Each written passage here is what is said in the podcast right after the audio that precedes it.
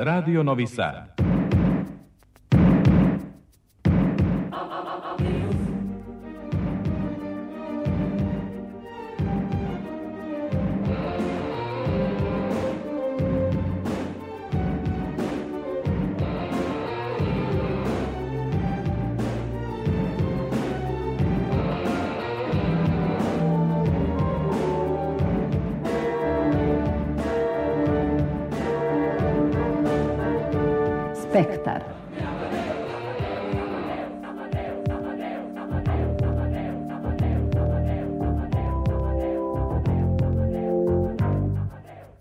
Spektar.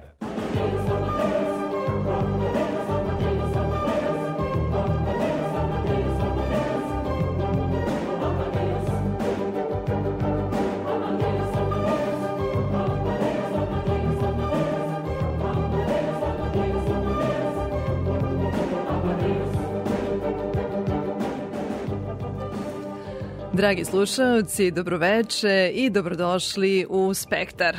Moje ime je Ivana Maletin Ćorilić i vodit ću vas kroz nedeljni magazin za kulturu Radio Novog Sada. U narednih sat i po vremena najviše prostora posvetit ćemo pozorištu i filmu. Naime, mnogo je povoda za to. Narodno pozorište Sterija u Vršcu obeležava dan premijerom trojezične predstave Atmosfera – Film Usekovanje svečano prikazan u Novom Sadu. Izložba Mileva Mi smo stena autora Dušana Jovovića u Muzeju grada Novog Sada izazvala veliko interesovanje povodom Dana grada. Najstarija glumica Branka Veselinović napustila nas je u 105. godini. Zdenka Valent Belić, doktorka slovakistike i prevoditeljka, predstavila je u Matici Srpskoj kapitalnu studiju Slika Srba u slovačkoj književnosti. To su samo neke od priča koje ćete čuti u Spektru. Emisiju otvaramo jednom zanimljivom beleškom iz našeg najstarijeg teatra – Prvak drame Srpskog narodnog pozorišta Radoje Čupić 160. izvođenjem Džandrljivog muža ozvaničio je odlazak u penziju. Već narednog dana zatekli smo ga u tom teatru na probi za predstavu čija premijera je planirana u martu. O tom velikom pozorišnom projektu, glumačkim počecima, ulogama i ličnostima koje su ga oblikovale, govorio je za naš radio. Da se vratimo na početak u gimnazijske dane. Jesu li vaši drugovi iz gimnazije Radoslav Milenković i Dragomir Pešić glavni krivci što ste izabrali glumu? Pa jesu, da. Kad su oni upisali akademiju, to je bilo dve godine pre mene, a tad je akademija i primala zapravo svake druge godine. I dramska sekcija u gimnaziji ostala bez dva muška člana, dosta bitna u tom trenutku i onda su oni došli kod mene i rekli, ajde ti da ideš u dramsku sekciju, Ja sam mislio, pa kao, hoću li ja to moći? On kao, moći ću, moći ću, ajde. I naravno ja sam otišao tamo kod pokojnog profesora Zekavice, koji je e, bio profesor književnosti, držao biblioteku, vodio i, i dramsku sekciju. I kako sam stupio tamo, u taj magični prostor te biblioteke, tu je stvar bila odlučena vrlo brzo. Jesu li Zekavica i Mijač i dve centralne figure u vašem pozorišnom obrazovanju? Pa jesu profesor Zekavica je nama nekako bio užasno važan, e, ne sa, samo sa tog nekog glumačkog, on nije bio glumac, on je čovjek bio profesor književnosti, nego u, u tumačenju uh, dela.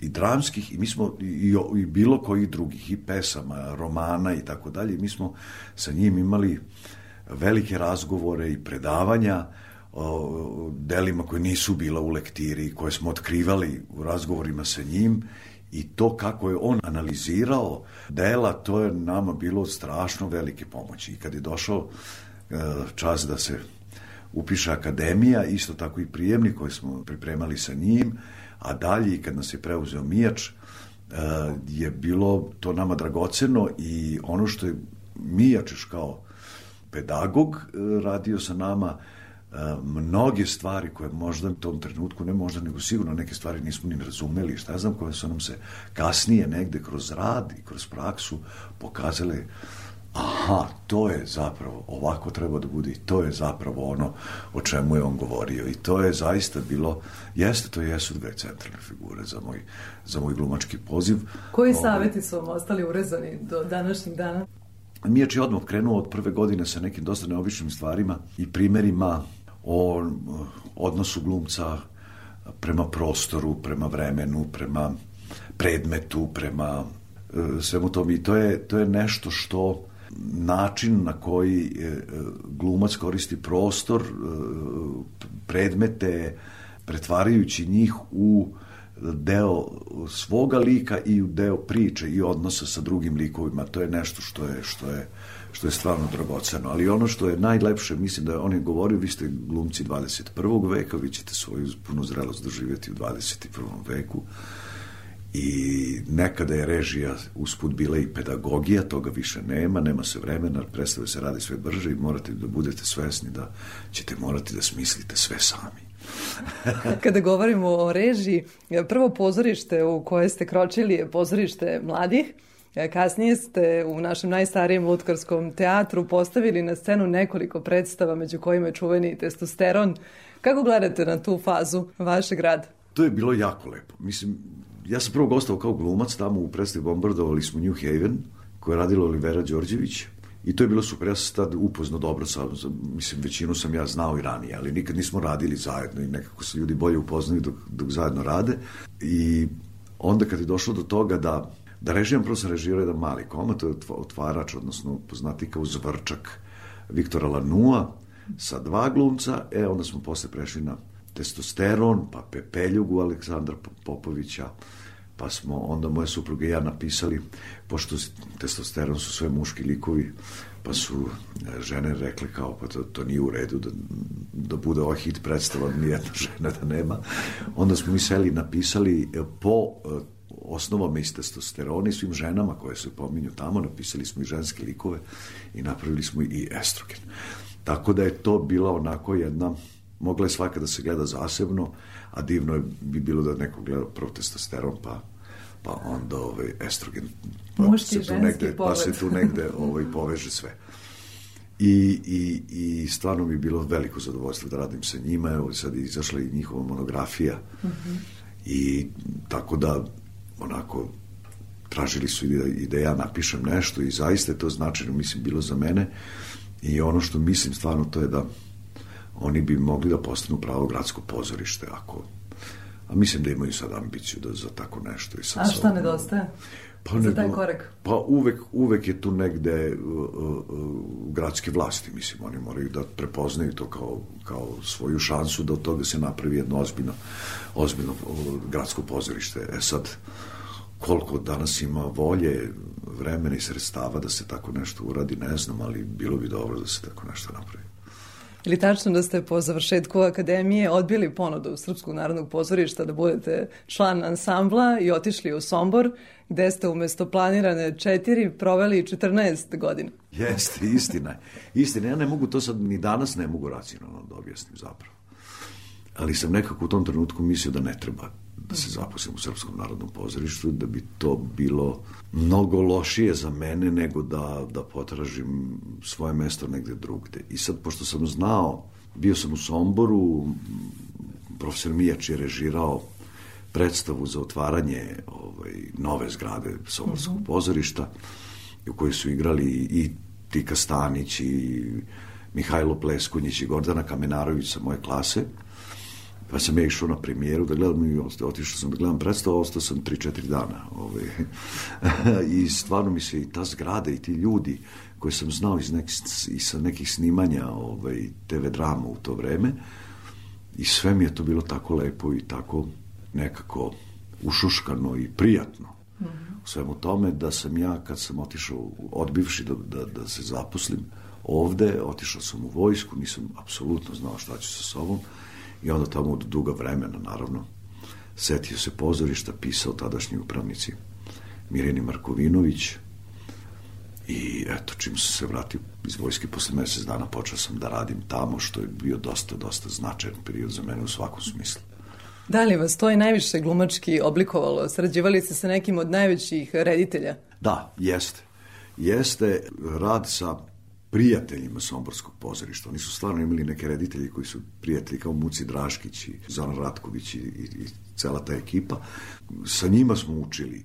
Učili smo se brzini, recimo sa Mucijem Draškićem raditi vodvilje, pa to je predivno i to je to je nešto što daje brzinu, promenu u sekundi i tako dalje i tako dalje. A onda dolaze i mladi ovi reditelji koji su donose neki duh svog vremena i neki, neki, neku novu estetiku i, i nov način rada i neku drugu maštu, što opet daje, što nas opet otvara jel, još više i e, rad sa Ljubom Majerom takođe mi je bio strašno, strašno dragocen. Tako da e, sve to što se događalo u Somboru, pogotovo u ona teška vremena 90. godina, je bilo, jer mi nismo imali ništa i nigde nije bilo ničega, ali smo imali svoje pozorište u kojem smo onako radili možda najviše i najbolje nego ikad. 1999. ste se vratili u naš najstariji teatar Srpsko narodno pozorište, čiji ste prvak e, drame. Kada je bio zlatni period ovog teatra? Bilo je dosta, ono kad je profesor Mijač bio mlad, i Dimitrije Đurković i tako dalje. To su tamo negde 60. i 70. godine. Bila je jako dobra ekipa tih, tih glumaca tu, stvarno ozbiljnih, karakternih glumaca, divno. Sad su neka druga vremena, nije više, ne važe ta pravila koje su, koje su važila nekad. Tako da, sada se Srpsko narodno pozorište kao kao nacionalni teatar mora da bude utemeljen negde na ozbiljnoj literaturi, a s druge strane mora i da prati duh vremena i da eksperimentiše sa, sa drugačijim formama, dakle drugim nekim načinima čitanja, što se nadam da će biti ovaj sad Dostojevski koji radimo sa Jerne Lorencijem i njegovom ekipom, uh, drugačijih pristupa i novih tekstova, naravno, i novih mladih reditelja, otkrivanje kao što je Sombor u svoje vreme jel, davao šansu Kokanu Mladenoviću koji je uradio bio pre toga samo diplomsku predstavu pa je radio Jagoš isto koji nije bio baš tada toliko ovaj, poznati i uzdignut kao posle. Mislim da i Srpsko narodno pozorište sad ima jedan repertoar, ima u nizu tih predstava koje se igraju danas, ima nekoliko ozbiljnih predstava kojega ste zaista svrstavaju u vrh teatra ovih kod nas. A vi godinama nosite repertoar, igrate u svim većim naslovima, ali koje predstave su za vas bile najznačajnije? Mislite ovde u Novom Sadu? Jako sam volao, ja, mislim, jeste mi bilo značajno. San letnje noći sa Kokonom. Jako volim ovaj duh koji hoda Popovskog. To mi je onako Tu ste pokazali sam svoj talent. Pa to je onako divno je bilo, divno je bilo i raditi s njim i znate kad se kad se negde poklope energije i kad uh, vi dajete, daje reditelj i to onda samo raste i raste i raste i to mi je jedan od, od omiljenih procesa u, u kojima sam bio. Da, predstava je proizvod timskog rada i glumci često umeju da kažu da mnogo toga zavisi od partnera na sceni. Sa kim ste vi voleli najviše da radite? Pa vidite, evo sad, ja ću e, dati primer džandrljivog muža. To, e, kao prvo, e, to je bilo 2006. recimo godine. Ja sam izabrao ekipu koja je bila u tom trenutku apsolutno outsiderska. I svi su rekli, pa ti nisi normalan kako si podelu napravio i šta ja znam. Ja kažem, ne, mislim da znam šta treba da radim i kako treba da radim. Pa kao, pritom, to grozan komad, najlošiji komad, sterin i tako dalje. Da, ali sam ja nekako imao ključ, pa sam i napravio dramaturšku intervenciju, uh, jer su u Džandriju mužu praktično su skoro sve scene sa po dva lica. Uh mhm. -huh. Maksim sa ženom, Maksim sa čerkom, Maksim sa kumom, Maksim sa bratom. Što je monotono za Što je apsolutno -huh. monotono i tako je malo naravučitelno i, i često vrlo nemotivisano i kao zašto je Maksim u Džandrlju, pa kao takav je od kako se rodio. što je za pozorište stvarno ovaj, mali razlog. I promenio sam tu motivaciju likova, povezao scene, umrežio to sve nekako, osavremenio. Žao mi je, e, e, kažem, niko nije verovao da će od toga ispasti neka predstava. I mi smo dosta često probali u nekim čudnim prostorima, jer kao nije bila slobodna scena za nas.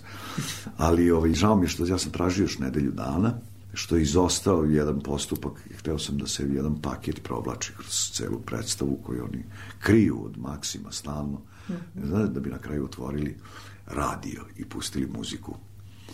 Muziku na kraju kao neki, neki moment novog vremena koje dolazi i struja i radio i to sve i drugi su odnosi prema ženama i tako dalje jer to jeste žensko pitanje. Užasno je bilo to vreme u koje po žene u, u, u vreme sterijno i mislim Dubravka Stojanović jako lepo piše o tome u, u jednoj knjizi.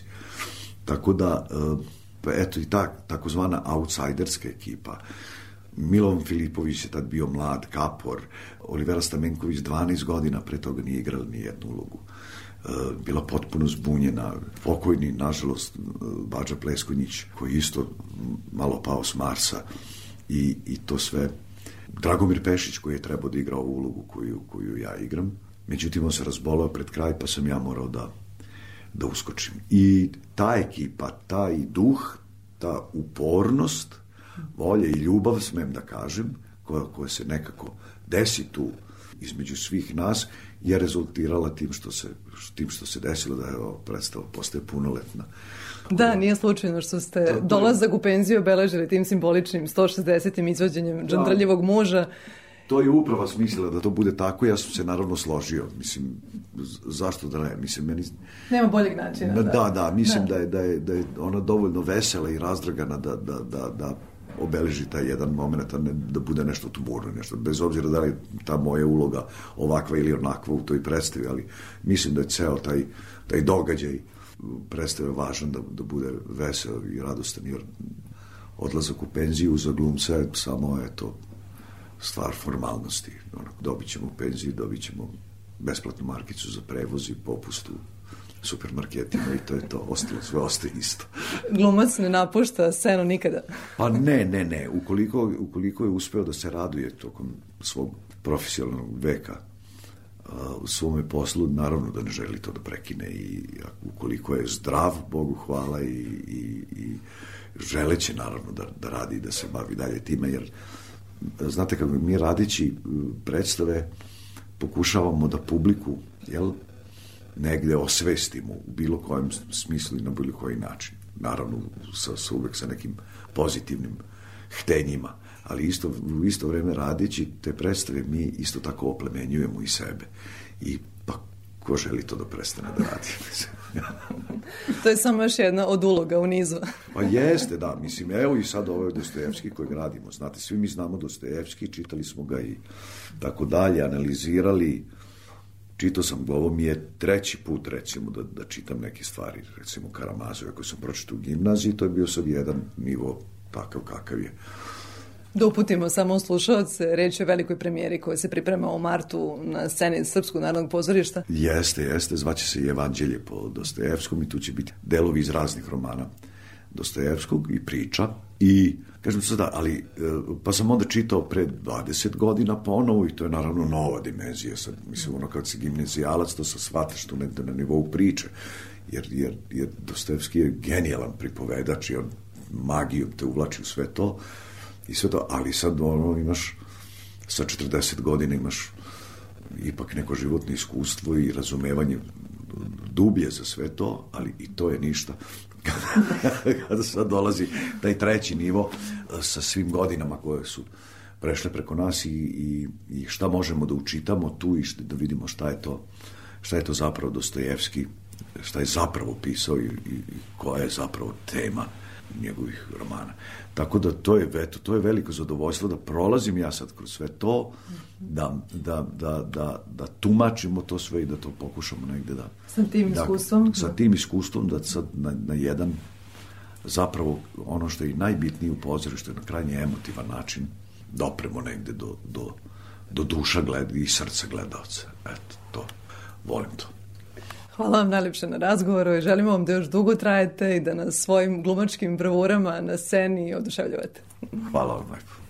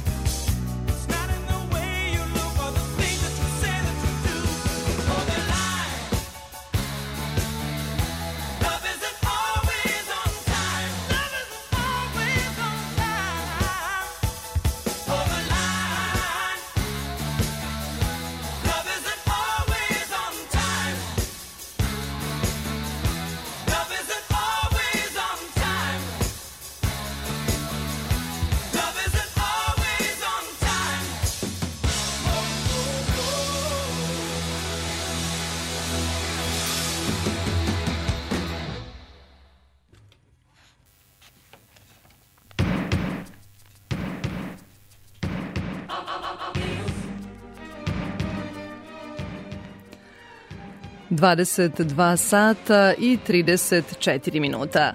Slušate Spektar, magazin za kulturu, radio Novog Sada. U narednim minutima idemo do Vršca, do Narodnog pozorišta Sterija, koja obeležava svoj 78. rođendan premijerom trojezične predstave Atmosfera u režiji Gavrila Pintea. Čak tri zemlje su učestvovale u njenom stvaranju, Srbija, Mađarska i Rumunija, a kako je došlo do te saradnje i kakva atmosfera vlada u tom teatru, reći će nam koleginica Ana Čupić koja je sa nama na vezi. Ana, dobroveče i dobrodošla u Spektar. Dobroveče Ivana, vama i svim našim slušalcima. Veliki dan za vrščane, je li on simbolizuje i buđenje vršačkog pozorišnog života? Da, ovde su svi vrlo radosni pošto je Vršačko pozorište posle jednog određenog perioda vraća se jel, na, na scenu. Svakako u, u, u, naj, u naj, najlepšem uh, pogledu. Danas, kao što uh, ste rekli, slavi se svoj 78. rođendan. Ja bi se odsvrnula malo na istoriju uh, prva predstava koja je odigrana u zvaničnoj zgradi koja je nastala 2. januara 1945. godine, odigrana je samo mesec dana kasnije, odnosno 10. februara 1945. godine u pitanju je bila predstava divnog sterije koji je i živeo u ovom lepom malom gradu ove godine su se odlučili da to bude predstava atmosfera. Da, da se vratimo na predstavu. Atmosfera je rezultat višemesečnog radioničarskog rada pod okriljem projekta Temišvar, Evropska predstavnica kulture. Čime se ona bavi i koja je njena glavna poruka? Atmosfera za početak da napomenemo je trojezični komad koji je rađen u koprodukciji Segedina, Vršca i Temišvara, a projekat e, zvanični pod kojim je ona nastala se zove Banat u Evropi, koji je pokrenut od strane Temišvar, Evropska predstavnica kulture 2020. I treći reditelj ovog ostvorenja je gost iz Rumunije, Gabriel Pint, a predstava nam e, nosi veoma divnu uh, poruku. Ja bih to tako malo okarakterisala narodski da je ceo svet jednog globalno selo, sudbine svih ljudi su isprepletane, a svako živi u svom problemu. Na kraju, u osnovi svega je porodica, a stup svakog društva je uh, majka. Lepa i snažna poruka. Šta možemo da očekujemo u Vršačkom pozorištu u nastavku sezone nakon ove dve premijere? Ova godina je definitivno presedan u, u, u ovoj kući. Prvi deo je proslavljen danas ovom divnom predstavom koja je rađena u toj velikoj istorijskoj koprodukciji, a e, drugi deo možemo da očekujemo početom marta. U pitanju je Molijerov Don Juan, u režiji gosta iz Makedonije Andreja Svetanovskog. A tada će Vršačko pozorište predstaviti i opremu koja je donirana e, od strane pokrajine, a snimili su i kratak dokumentarac u zameni te opreme i koliko je oprem e, značajan e, jel, segment svakog pozorišta i šta će oni to u budućnosti moći da ponude svojim gledaocima. Dakle, lepe vesti nam stižu iz Vršca i pratit ćemo rad tog teatra i u narednom periodu. Ne sumnjam da ćeš nas ti izveštavati i o nekim novim planovima i premijerama. Tako je, ali moram samo da napomenem još jednu stvar, da je ovo vrlo značajna godina za sam Sperin grad. Elem, ove godine se obeležava 250 godina e, pozorišnog života Vršca i to je jedna jako bitna stvar jedna jako lepa tradicija. Tako je. Čestitamo jubilej vrščanima i 78. rođendan Narodnom pozorištu Sterija. Ana, hvala na uključenju. E, čuli ste Anu Čupić koja se javila iz Vršca. Is it wise enough to say That I'm better off without you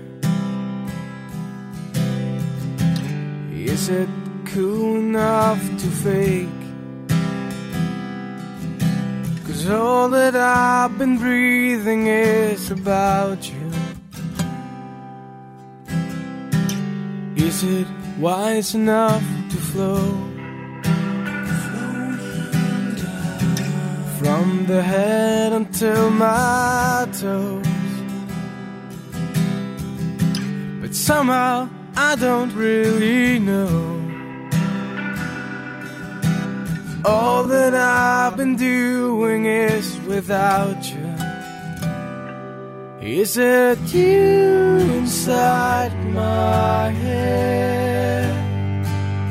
Is it you inside who says that I'll become someone else? My mind keeps saying, This is not what I believe in. This is where it ends. And all in all, my mind's made up. That is why it never stops. Again.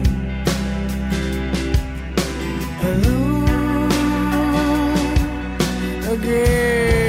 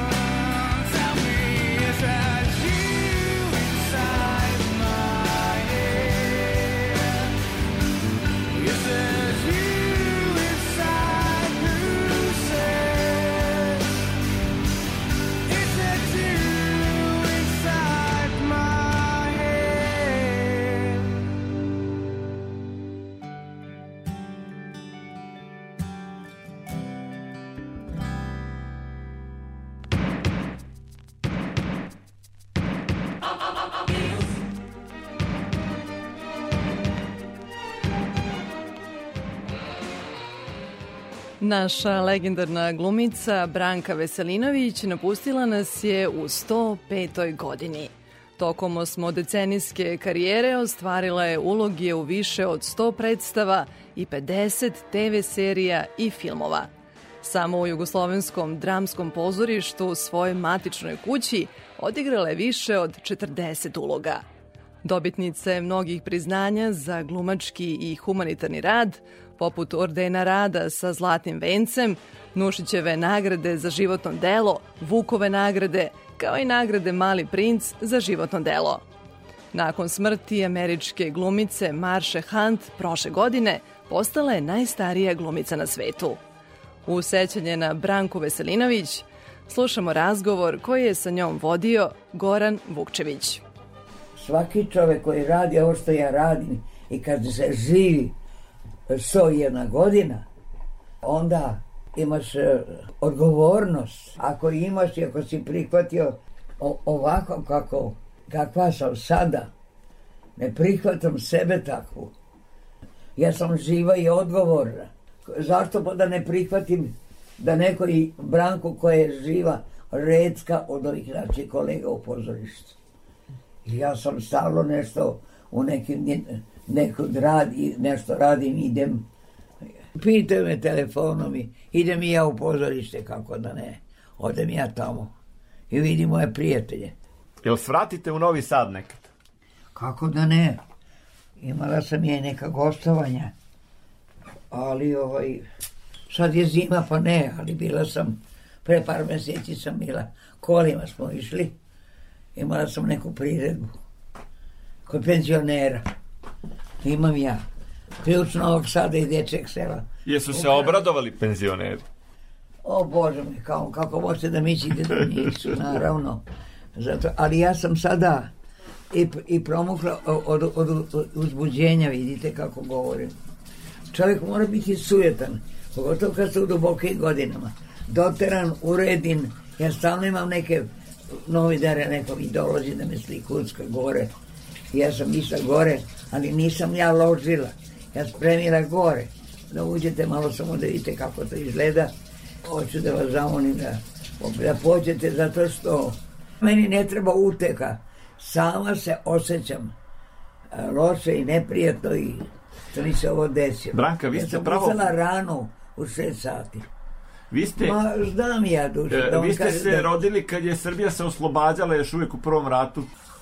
Znate šta, ovako kako vi pitate mene, pitaćete nekoga ko je početnik u životu i gde, kao prvi, to, to je, ja ne znam kako da vam kažem, ja nemam strah od starosti, ali e, od e, dobrog ponašanja imam i dalje odnos. E, znate šta, E, vrlo malo ima glumaca glu- živih da imaju 100 godina vrlo malo. I ja čujem, vidim, znao čega sve. Gledala sam nešto na televiziju, jedan sat. I ustala sam. I rekao, neka još malo ima vremena. Od danas kad sam shvatila koliko sati, ja sam skočila 15 minuta, 20 pre nego što ste vi došli. Glumci ne mogu, nemaju vremena da, da zakasne. Ne smeju. Jer publika kad sedi i čeka predstavu, a ne počne pet minuta pre vremena, kad treba da počne, publika odmah počne da aplaudira, tako ili nije? Tako je. Odmah pita i zašto. Šta je to što vam je gluma najlepše donela u životu? Znate sad, ja ću svakom odgovoriti kad traži. Život mi je lep. Divno je što crtate, divno je što crtate. Ne, to onda pišem, prevodim a, sa ruskog. Imam dobre prijatelje, kao što vidite, rođaka mi došla i prijateljica. Divno je što je ovde uvek je- vaša ovo je kuća meni puna. dao grad. Ovo gospođa koja je sad došla mi je dao grad da mi kupi nešto što mi treba. Da, jedna dama fina i najviše ovde sada se sedi, tu su vidite i, i moj, moj, moj list i ja tu pišem, prevodim, slikam. Ovo je vašar Kreativni. života. Kreativni vaš. Da. Kreativni nered, tako zvani. I, ovaj, I ja sam vrlo druželjubiva, znate. A kako su izgledali ti vaši počeci glumački? Ah, kako pa? Ja sam počela u 16 i po već u Glumačkoj akademiji sam bila. I ovo je vrsta glume. Mora da Jeste, uđe ovo da je čitava, glume. ovde čitava predstava se odvija. Znate šta, mlađe sad ovde nema i one tu sede uvek i radio. Svašta se dešava u životu. Kojih se putovanja ja seća? sam u Americi gostovala. Mlađe, ja sam, ja sam gostovala. Igrao sam na engleskom Majku Hrabrost ovaj, u, u Americi. Dobili smo četiri meseca iz pozorišta slobodno da idemo u Ameriku da gostujemo, mlađe i ja. I ostali smo pet meseci. Ja sam igrala u Americi, ruski govori, zato što sam bila u ruskom zavodu dve godine živela u Beogradu. Ali znate, te, čudno je to, juče sam baš pomislila. Dođeš ovde, tolike kolege, to se napravi sa, susret, ako neko nešto radi i ti pričaš. A zašto su ljudi ponekada tako sujetni i, i, i neće da prihvate tuđu neku radost? Nisam ja bila nikad u partiji. Moja stranka Branka. to sam govorila svima. I know you're gone, I know you're gone, but I don't feel what I know. I know you're gone, I know you're gone, but my mind ain't in control. Cause it's my heart that's been missing you, and it's the heart I need to listen to. And it's been singing songs for tender dreams, the ones you sang to help us sleep. And one day I will sing those songs, sing them till they sleep, just like you sang to me. Just like you sang, sang to me. From the day that I met you, I stopped feeling afraid. In your arms, I feel safe. In your arms, I feel safe. From the day that I met you, I stopped feeling afraid. In your arms, I feel safe. In your arms, miss you so, I miss you so. And I'll miss you till I'm old. I miss you so, I miss you so. But my fears will fade, I know. Cause it's my heart that you helped to build. Love is my compass still, yeah. Love will fill the holes I got. Cause you will never hold me, but I know that you are with me. I know that you're at peace. Cause you, you let us sing you to sleep. Let us sing your heart to sleep. From the day that I met you, I stopped feeling afraid. In your arms, I feel safe. In your arms, I feel safe. From the day that I met you, I stopped feeling afraid. In your arms, I feel safe. In your arms, I feel safe.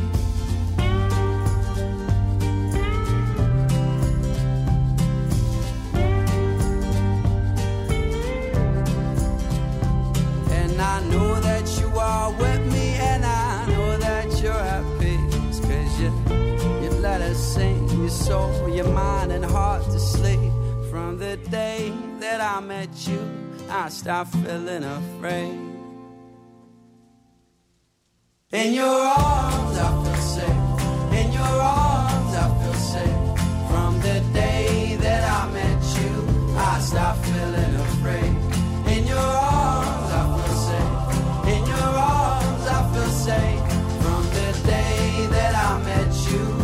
I stopped feeling afraid. In your arms, I feel safe. In your arms, I feel safe. From the day that I met you, I stopped feeling afraid. In your arms, I feel safe. In your arms, I miss you so. I miss you so. And I'll miss you till I'm old.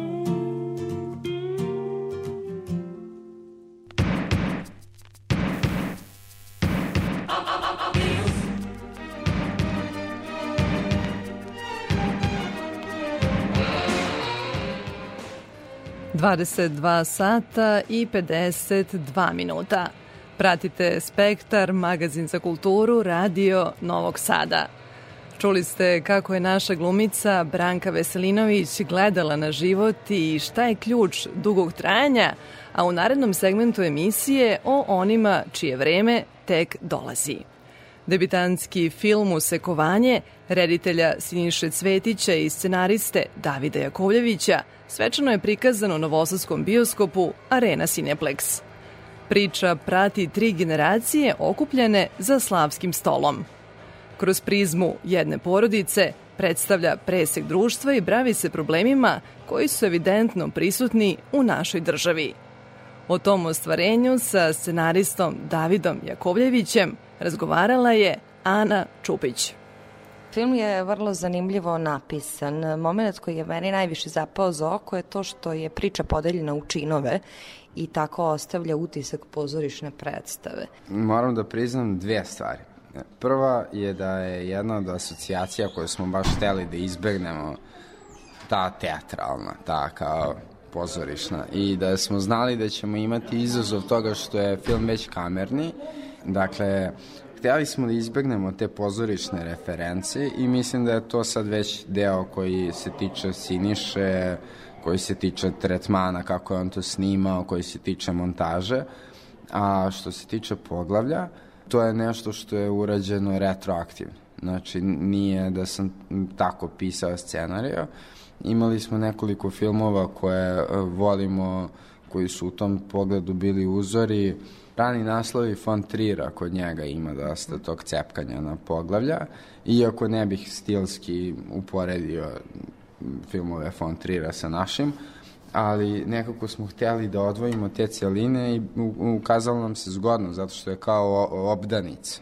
I onda smo imali taj deo jutra, imali smo deo m, pre dolaska gosti, imali smo neke prve gosti, imali smo prelomne trenutke u boravku gostiju i prosto zgodna simetrija se podesila. A, pale su nam na pameti ideje za neka kao zanimljiva, možda poetične naslove poglavlja, eto. Slava kao centralni događaj je vrlo, vrlo zanimljivo, a zašto baš taj događaj i zašto baš usekovanje? Slava nas je privukla zato što postoji već konvencija nekog žanra koji je kao, ajde da kažem, family gathering i Amerikanci dosta imaju filmova koji su na primjer to Thanksgiving i tako dalje, tako da je to već neka poznata matrica, a Siniša i ja smo od nekih ranijih studentskih dana bukvalno pijani kod mene na slavi konstatovali jednom prilikom kao je baš bi bilo super jer smo gledali preko stola i bilo je mnogo različitih ljudi koji su se ponašali opičano zbog uh, alkohola i svega. I to nam je bilo kao užasno zanimljivo i onda se posle ispostavilo da je i produkciono jednostavno i izvodljivo a usekovanje, e to je sad već bio moment istraživanja koje su uopšte sve slave, ajde da ne budu ove koje su najnekako komercijalnije uslovno rečeno, pa onda da vidimo kako nam koja zvuči. Pa u jednom trenutku, čak pošto je usekovanje se dešava 11. septembra, i onda nam je to bilo jako zanimljivo.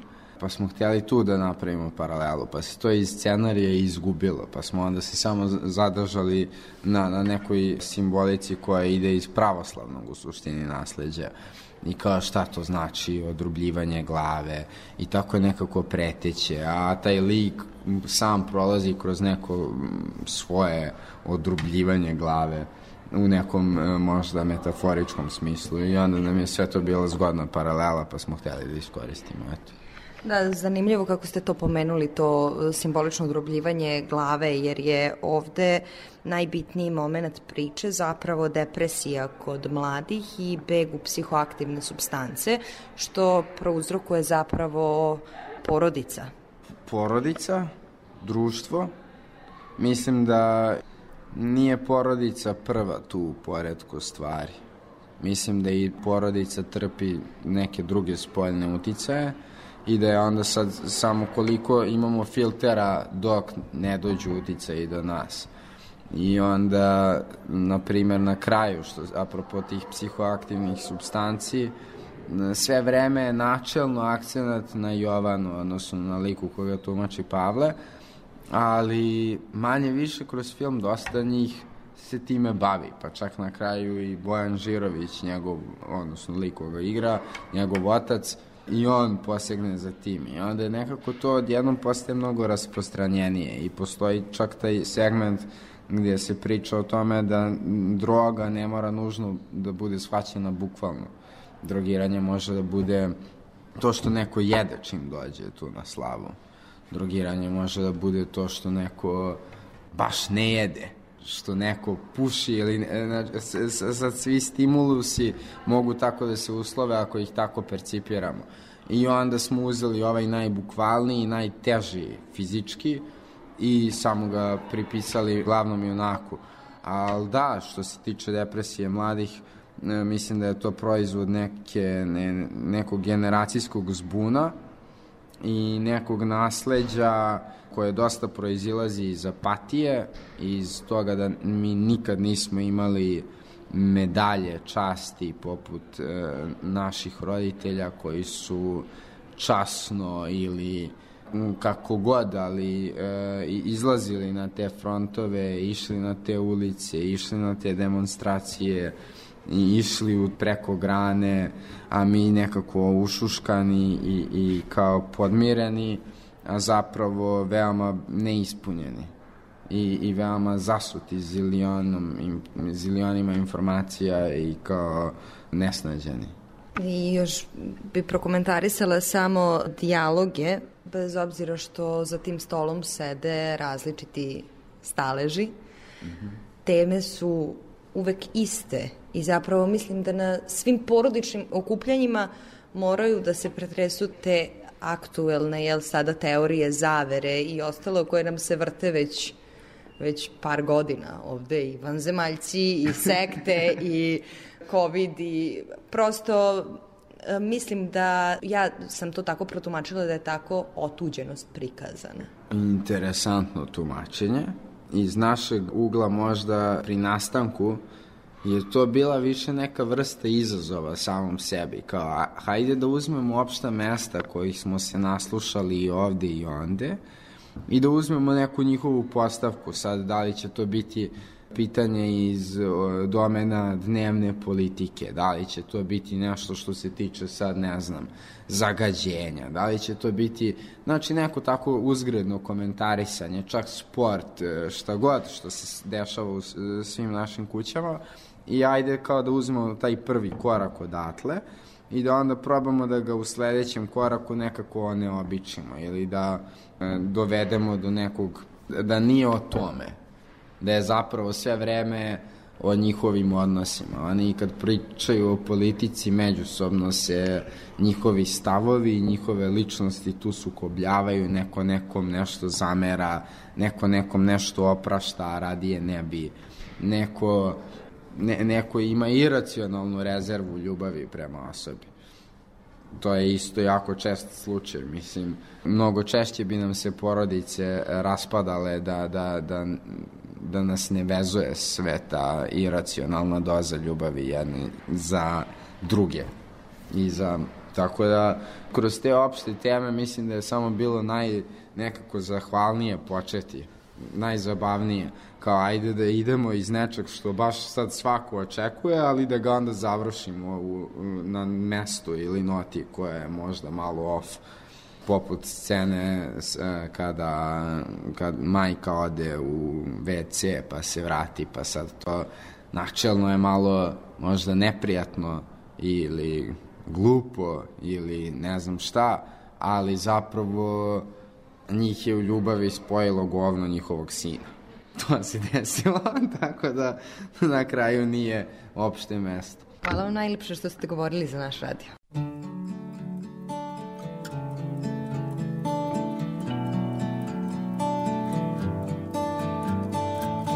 So lately, been wondering who will be there to take my place when I'm gone.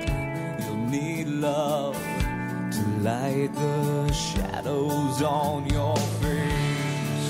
If a great wave shall fall and fall upon us all, then between the sand and stone,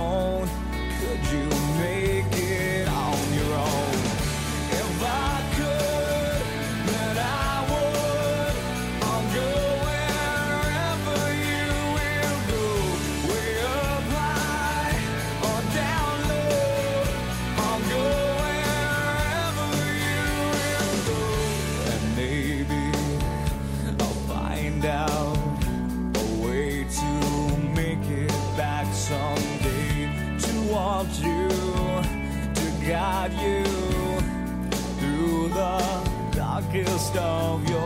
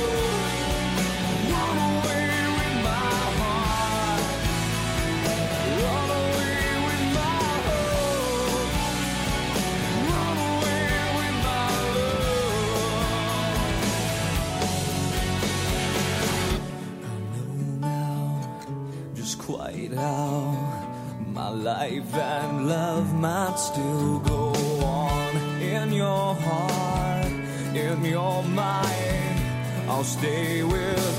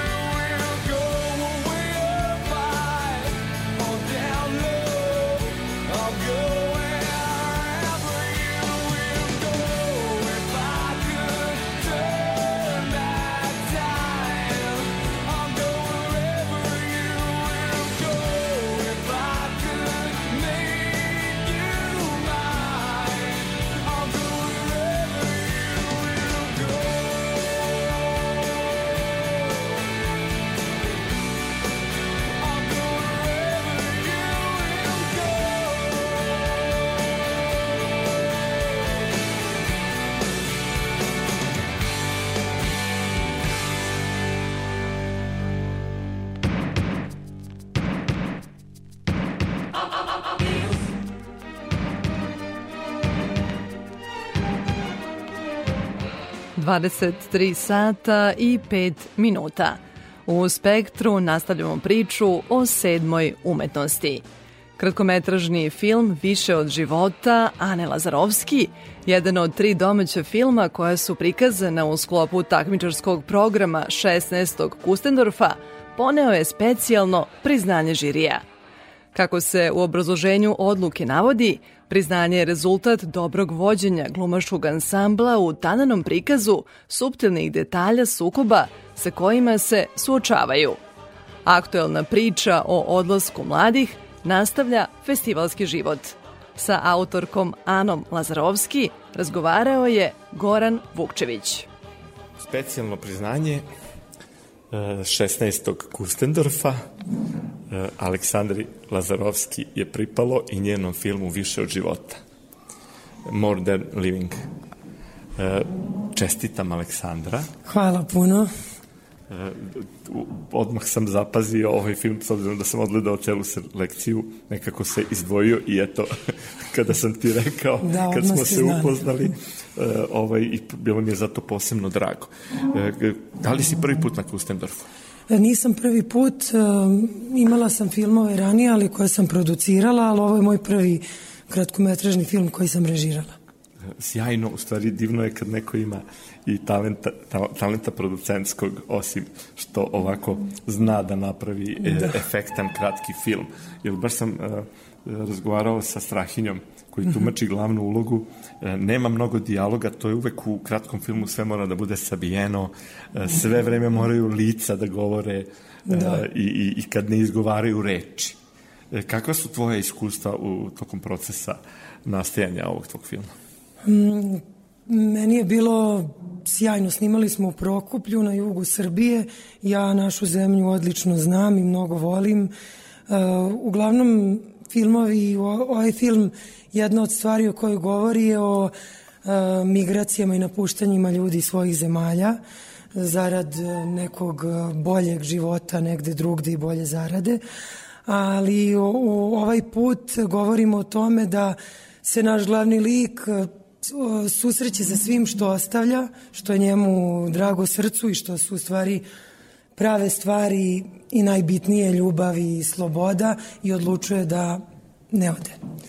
Da. E, bilo je, da, snimali smo e, na jugu Srbije, bilo je genijalno, Strahinja, glavni glumac, dolazi sa Kosova, kao i Da, on je iz Peći, tako da, Da. se uspešno snašao da igra u jednoj sredini Da. koja nije veliki grad. Da, i takođe i Slađana Vlajović koja glumi majku, ona je isto iz Kosovske Mitrovice, a brata Denis Murić koji igra, on je iz Večana. I Jeste, znam. Da. Ovaj, i, I već je iskusan dosta i tražen i Jeste. on je, on je otkriće. U stvari pokazalo se da je najbolje uzeti autentična e, lica, znači nisi tražila, da tako kažem, među urbanim, među Da, urbanim da. likovima svoje likove. Pa sjajni su, kast je bio odličan. Da, velika ekipa je radila, ali čini mi se da je svako sjajno odradio svoj deo posla.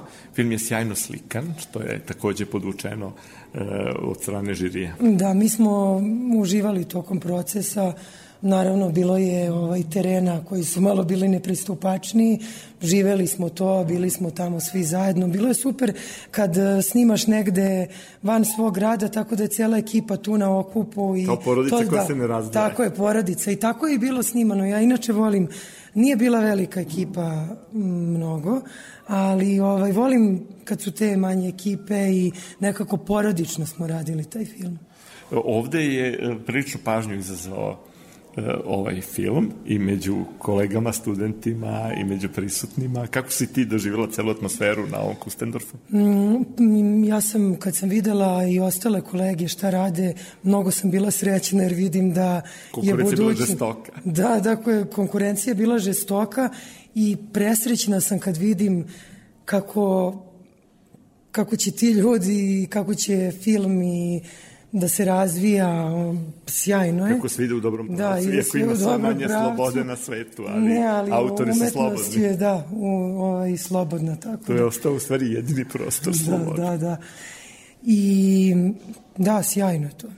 Kao što je podvukao i profesor Kusturica, tragajte Da. za slobodom, jer je Bez negde se kompromisa, izgubila. bez kompromisa mislim da treba biti hrabar i boriti se za stvari koje su ti a, blizu tvog srca i koje ti znače kao što je ljubav, sloboda, porodica i što je najbitnije kao i u filmu gde naš glavni junak odluči da uzme sve to bez obzira koja je cena posle i posledice.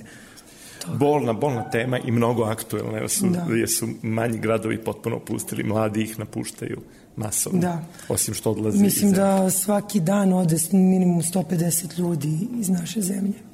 Jer ja obilazići isto ove manje gradove znam da, e, da su svi, neki su već uveliko otišli, bili onako pri odluci da, Da. nemaju budućnost u svom prostoru.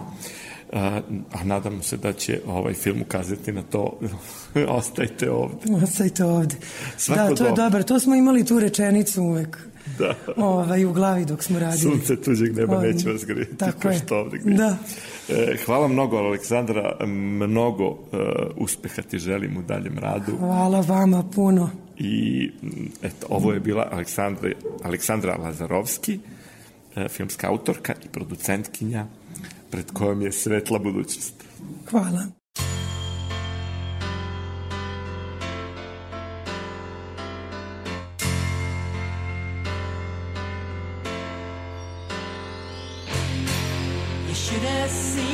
By the look in my eyes, baby. There was something missing. You should have known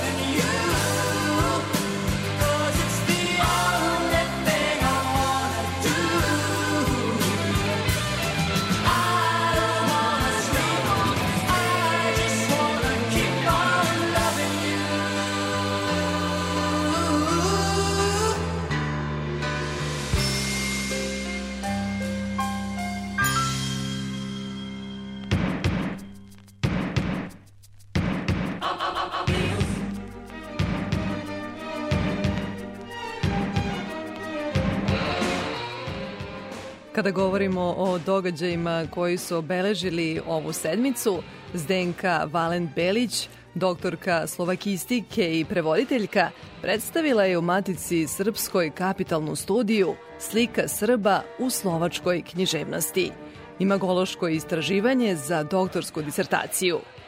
Studiju su objavile Matica Srpska i Arhiv Vojvodine, a usledit i nastavak fokusira na književnost vojvođanskih Slovaka. Sa Zdenkom Valent Belić razgovarala je Tatjana Novčić-Matijević. Rezultat neverovatnog rada, s obzirom na opseg te slike, vremenski i poetički, što mi se čini jednako važno ali vi ćete sad da me, mi potvrdite to ili da demantujete ovu moju tezu. Na svakom slučaju jeste u pravu. U ovoj knjizi je sadržano šest vekova slovačke književnosti. Naravno, selektivno praćeni su ona dela, oni tekstovi u kojima se nalazi predmetni motiv, odnosno u kome se pominju Srbi, a verujte mi toga uopšte u slovačkoj književnosti nije malo.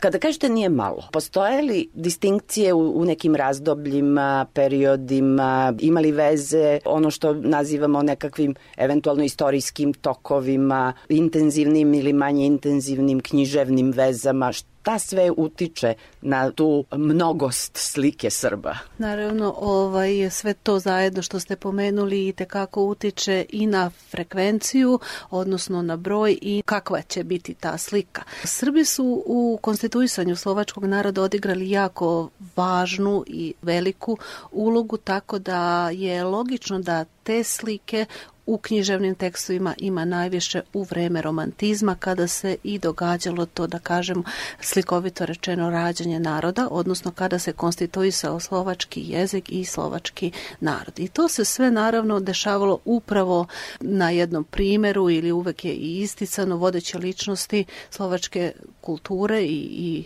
slovačkog narodnog pokreta su Srbe kao primer uvek i stavljali. Tako da je srpska epska narodna književnost kao izvor ove slike kao ta autoslika Srba, kako su oni sebe videli, kako se prikazuju u epskoj narodnoj poeziji, ušla u slovačku književnost i tako i preuzeta.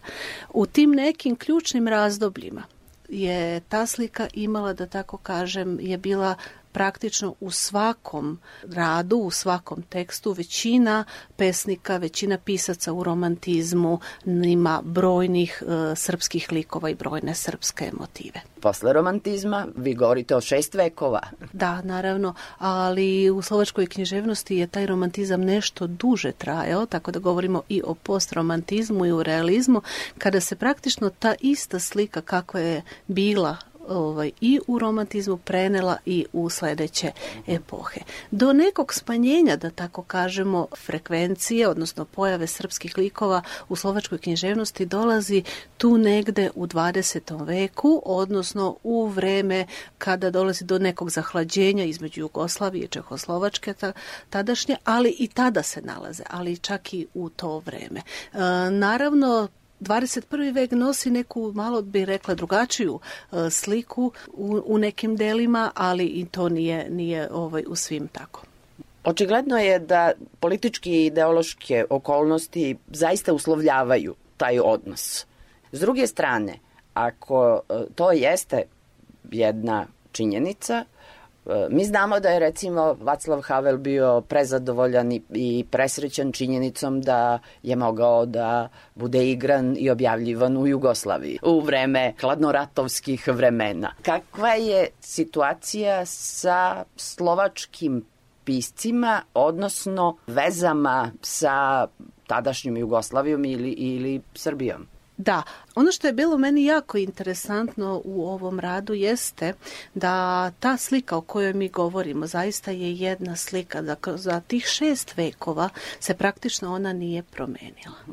Ali ono što se menjalo jeste zapravo kako je ona doživljavana. E, menjale su se konotacije. Znači, ako su govorili o Srbima, on to je jedna stereotipna, da tako kažem, prikaz. Oni su uvek a, vojnici ili mahom su vojnici, oni su ili ratoborni, oni su odvažni, oni su istinoljubivi, a ako govorimo o fizičkim osobinama, naravno uvek su visoki, jaki, žene prelepe. To su, to, to su te a, osobine koje su im pripisivane, da tako kažemo, strane slovačkih autora.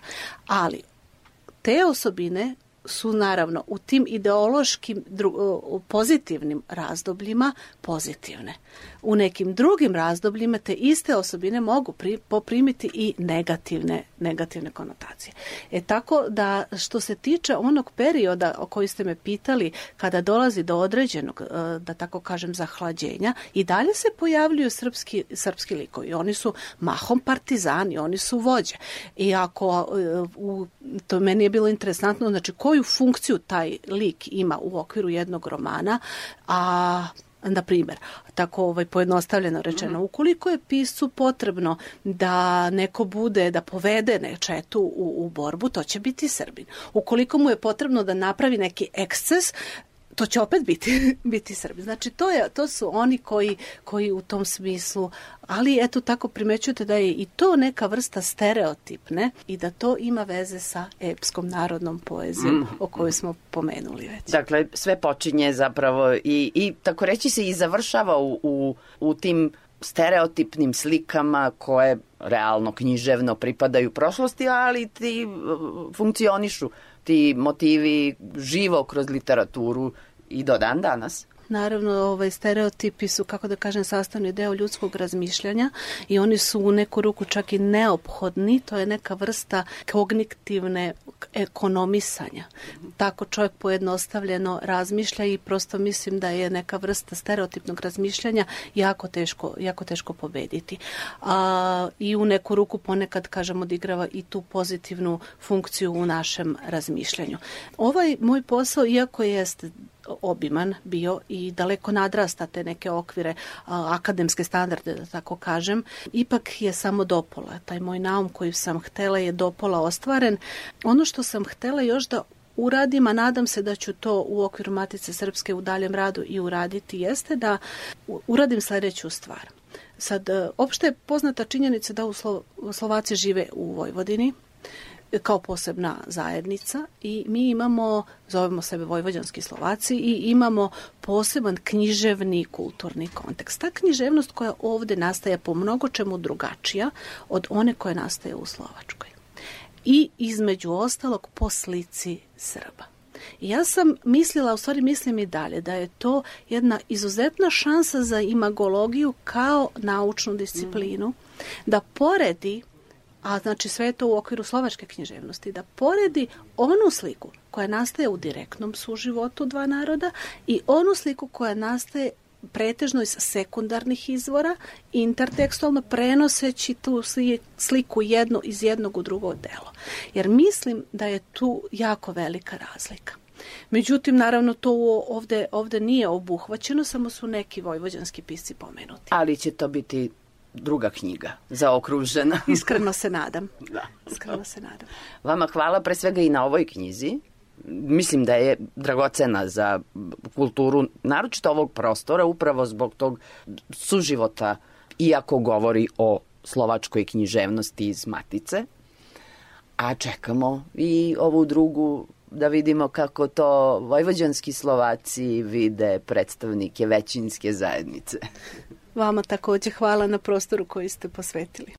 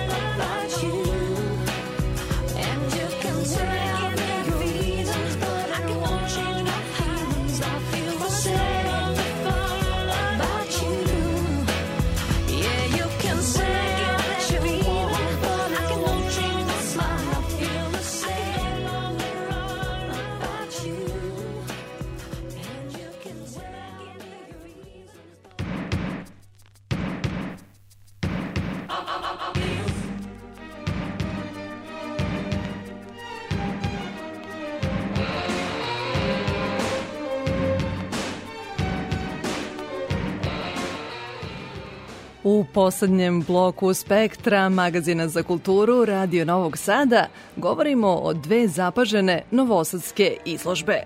Povodom Dana grada Novog Sada proteklog vikenda, galerije i muzeji otvorili su vrata za posetioce. Veliko interesovanje izazvala je velika multimedijalna i interaktivna izložba Mileva, mi smo stena, autora Dušana Jovovića u Muzeju grada Novog Sada. Inspirisana blistavim umom Mileve Marić Einstein, postavka nosi prepoznatljiv autorski pečat u vidu preplitanja klasičnog umetničkog jezika koji se ogleda u skulpturi, grafičkom dizajnu, crtežu i slici, sa 3D animacijom, digitalnim zvukom, hologramom i novim medijima. Sa Dušanom Jovovićem razgovarala je Isidora Bobić. Ovo pitanje će vam možda zvučati previše pragmatički, ali verujem da, da to ljude zanima. Vi ste multimedijalni umetnik. Mnogima je nejasno šta to tačno znači, jel tako? Evo, na primjer, u kontekstu samog postavljanja izložbe. Dakle, vi ste idejni tvorac, sa vama radi ozbiljan tim ljudi. Da li vi na neki način fizički učestvujete u samim postavkama? sve od samog početka gradim ja. Ono što su asistenti u procesu rada jeste da je Artbeat produkcija ljudi koja, da bih mogao da izvedem celu tu postavku, mi smo se profesionalizovali da bi mogli da pravimo velike projekte, kako u marketingu, tako sada u muzejima širom sveta, od građevine, građevinskih inženjera, električara, Do programera, ljudi- jel? programera, uh, animatora, skulptora, jedan Bauhaus, ljudi tehničkih timova, različitih firmi koji učestvuju u tome i oni sve to prolaze sa mnom. U oslikavanju direktno vodim i postavljam ja, u animaciji postavljam ja, ali veliki broj ljudi učestvuje u svim tim procesima kačenja, izgradnje i time smo došli upravo do onoga da nema kompromisa. Da mogu da ispričam nešto o, kroz jednom sam rekao povlačeći jednu liniju u prostoru ispričao bi to tako. Na ovaj način komunikacije koji imamo pokazao se da taj jezik razumeju ljudi evo sada što radimo u Berlinu, u Madridu u Novom Sadu, u Beogradu i reakcije su fantastične. Volela bih i da rasvetlimo malo simboliku naslova Mileva, mi smo stena, koja je složena i s obzirom na to da Einstein znači jedna stena i s obzirom na to da je izložba realizovana na tvrđavi. A, međutim, ono što me najviše interesuje, ko smo to mi koji smo stena? Naziv je proistekao upravo iz te dokumentarne, naučne sada već građe, prepiske između Alberta i Mileve. To su pisma koja su formirala sliku moju o njima i većina dela koje su nastala nakon njene smrti, a koje pišu o Milevi, se zasnivaju upravo na tim pismima na toj građi. Izdvojio sam 1905. godinu. Posle te izmeštene perspektive vidjet ćete i tog kretanja neba i vodopada koje se tu smenjuju u toj, tom zakrivljenju izvedeno iz te četvorodimenzionalne geometrije koju su oni pripremali i izučavali. Vi dolazite do zaključka da je 1905. godina uzeta upravo kao neverovatna godina su oni objavili preko 20 radova o Nalde Fizik stručnom magazinu što se nikada nije desilo. Više od polovine tih pisama, to je stručnih radova, je delom pisana njenim rukopisom. U tom periodu je bio, ajde kažemo, vrhunac njihovog stvaralaštva i posle toga se nije ponovilo ni kod nje, ni kod njega, kada su se razišli što je direktna činjenica upravo njihovog stvaralaštva i rada. Zašto mi smo stena? To je u toj rečenici se upravo konstataciji se upravo vidi lepota njene duše i uma gde ona već na samom početku žrtvuje sebe i stavlja rad, nauku, ali ljubav iznad svega. Prema suprugu, prema deci, prema porodici, jer je muška figura u njenom životu igrala ona uvek vodilju i motor. Ona bez muške figure nije pozitivnom smislu nikada sama izašla jer je ona bila jedna upravo sa muškarcem.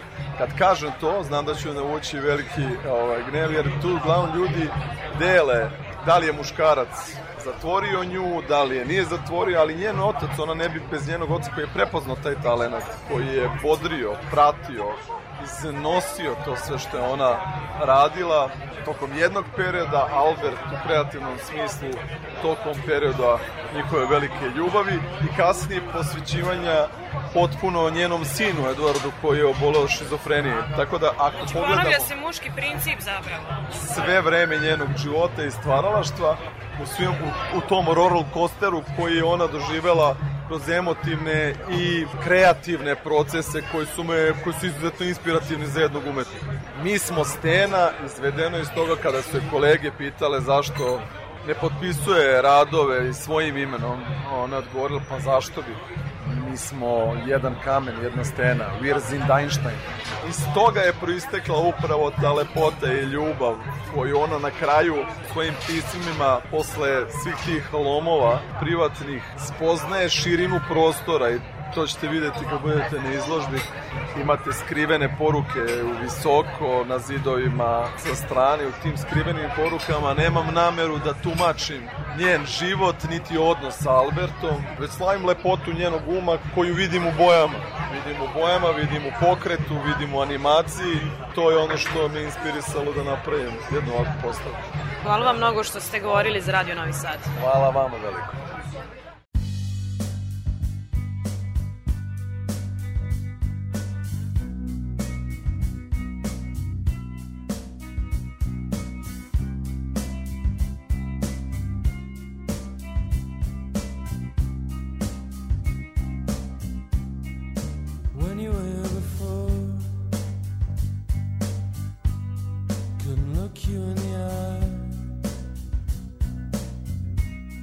You're just like an angel.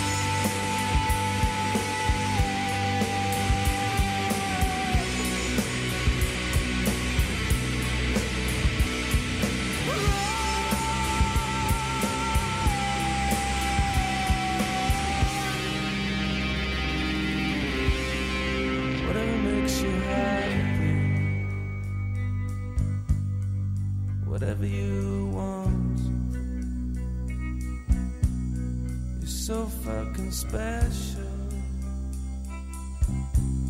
I wish I was special, but I'm a creep. I'm a widow. What the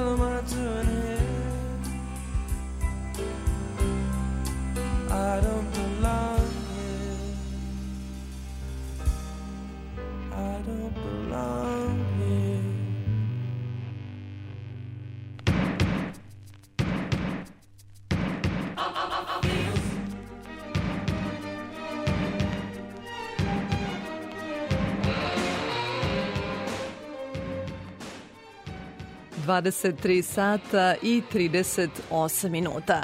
Bližimo se kraju večerašnjeg spektra. Skice za velika dela nazivi izložbe u Muzeju Vojvodine, kojem je predstavljen deo fonda umetnika Boška Petrovića, koji se čuva u muzeju. Okosnica postavke su tri velika projekta i crteži i skice o njima. Mozaiku u Skupštini Vojvodine – nacrti za tapiserije o temi revolucije i crteži o nikad realizovanom spomeniku ropstva. Prateći deo izložbe je i dokumentarni film Filipa Markovinovića u kojemu umetniku govore njegovi savremenici. Sa autorkom izložbe, kustuskinjom Draganom Garić-Jovičić, razgovarala je Aleksandra Rajić.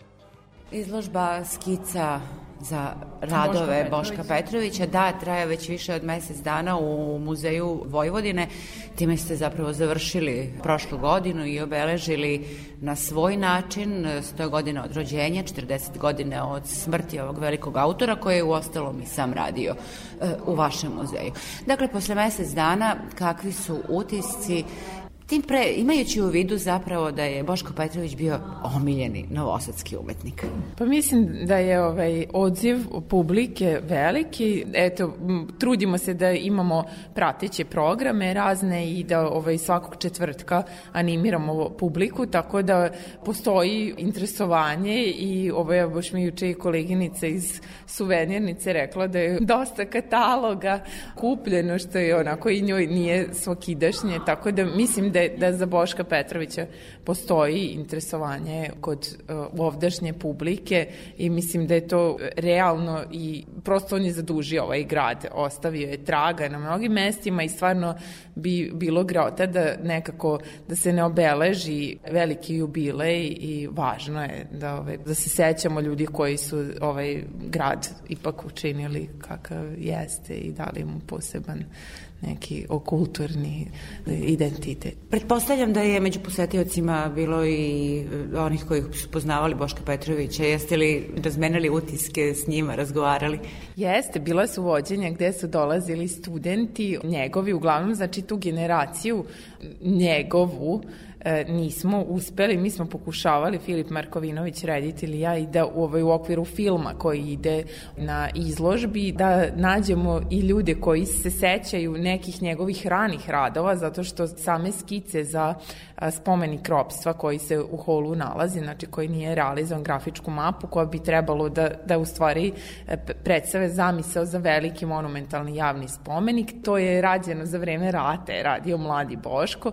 41. imao 19 kad je krenuo sa tom idejom i to je meni onako bilo potpuno fascinantno, mislim i Filipu i pokušavali smo u stvari da dođemo do ljudi koji bi se setili. Mi jedin, jedino što imam je u inventarnoj knjizi taj podatak da je Milan Kerac slikar poklonio 1970. muzeju revolucije mapu od 19 e, grafika. To su ove bile grafike koje u stvari predstavljaju robove koji dižu jedan balast, jednu ogromnu bro, bronzani teg, u stvari gde, gde bi trebalo da budu predstave e, svih nekih blagostanja, nečeg lepog, onog što je druga strana rata i u stvari... Da, taj neke tema. emancipatorske zapravo Jeste. težnje, on koje je on i u svom delu, naravno i kao aktivni učesnik rata.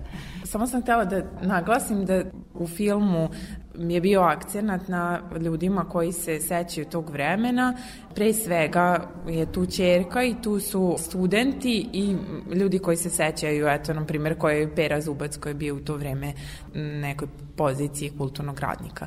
To znači da je u stvari, da prosto nemamo e, ljudi koji se sećaju 40. i 50. godina, tako da smo uskraćeni za ne, neke još finese koje se tiču tih radova, a to, A to je je malo.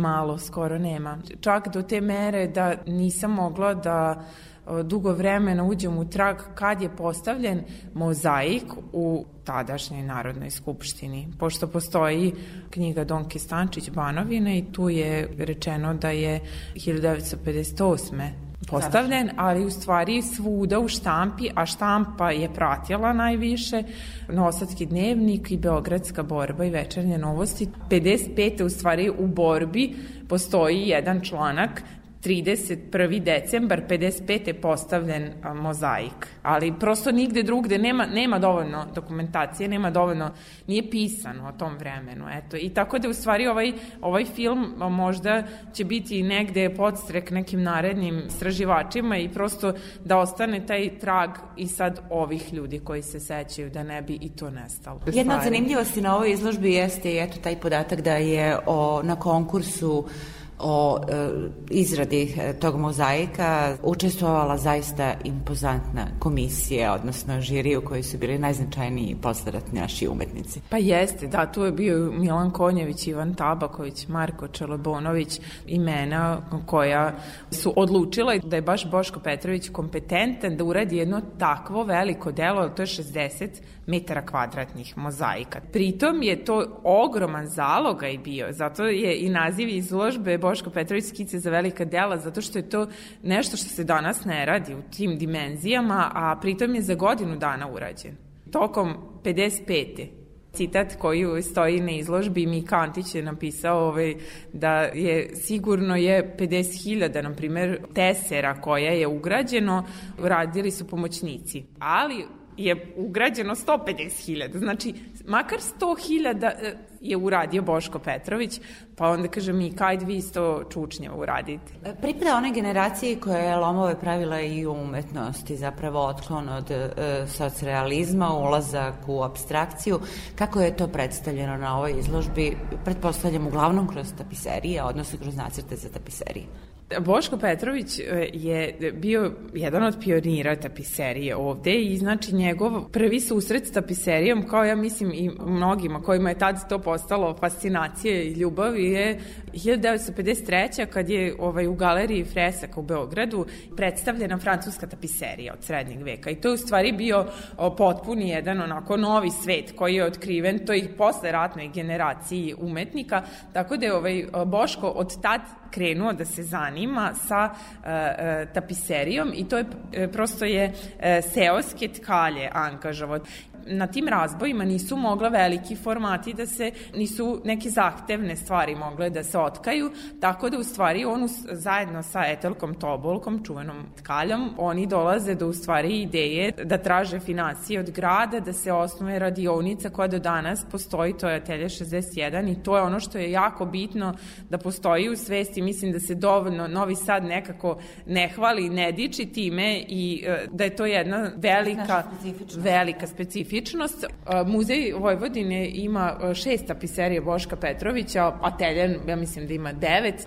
Naših je pet urađeno do 60. tu, tako da su to seoske tkalje u stvari radile, a onda je od 61. kad je osnovana Telje, onda je u stvari omogućeno da se radi veći format. To su veliki razboji, najveći je tamo 6 metara na kome rade nekad i više tkalja, ali eto prosto i taj podatak da, na primer, ne može više od jedan kvadratni metar za mesec dana tkalja da uradi, tako da, znači, jedna tapiserija makar godinu dana se radi. To je ono što je u stvari jedan dug i težak proces kako nastaju u stvari ti radovi u materijalu, a Boško je maštao u materijalu, on je od kad je video tapiserije prosto zaljubljenik te bojene niti, to više ovaj, je jedan korak napred u odnosu na slikarstvo, ali zahteva mnogo veće financije, tako da on, mnoge od tih skica su ostale na nivou skice. No, rekli ste da je e, jedan od radova zapravo jedno zidno slikarstvo, mural, tako reći, ugrađen i u, u vaš muzej.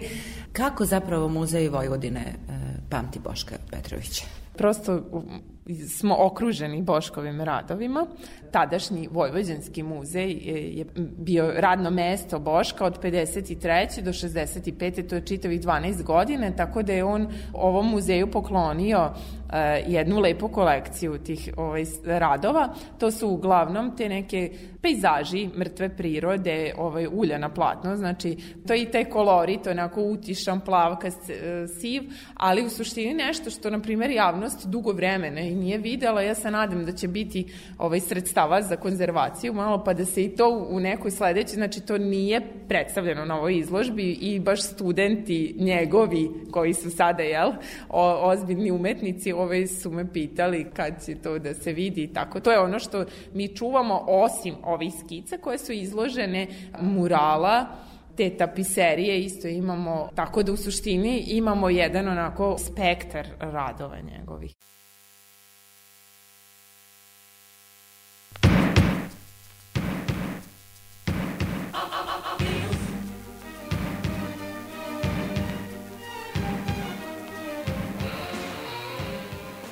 Pričamo o Bošku Petroviću, završavamo ovo nedeljno izdanje Spektra. Moje ime je Ivana Maletin Ćorilić i pozivam vas da budete uz nas i narednog petka. Prijetan vikend!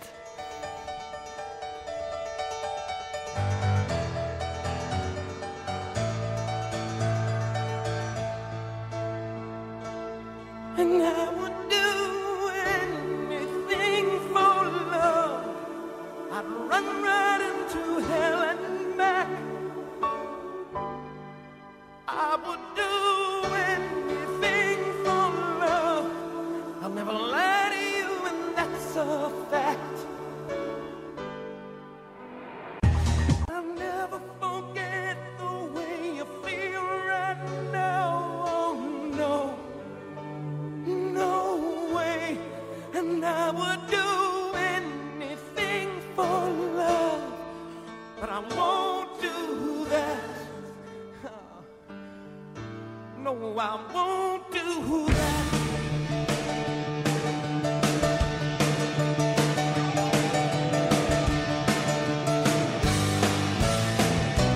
Some days it don't come easy, and some days it don't come hard. Some days it don't come at all, and these are the days that never end. And some nights you're breathing fire, and some nights you're caught in ice. Some nights are like nothing I've ever seen before. Will again. Maybe I'm crazy. Oh, it's crazy and it's true. I know you can save me. No one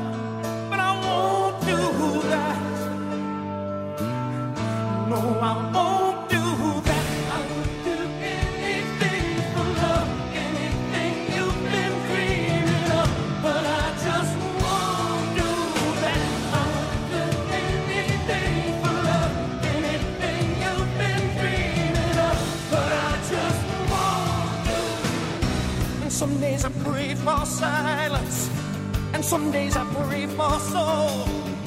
Some days I just pray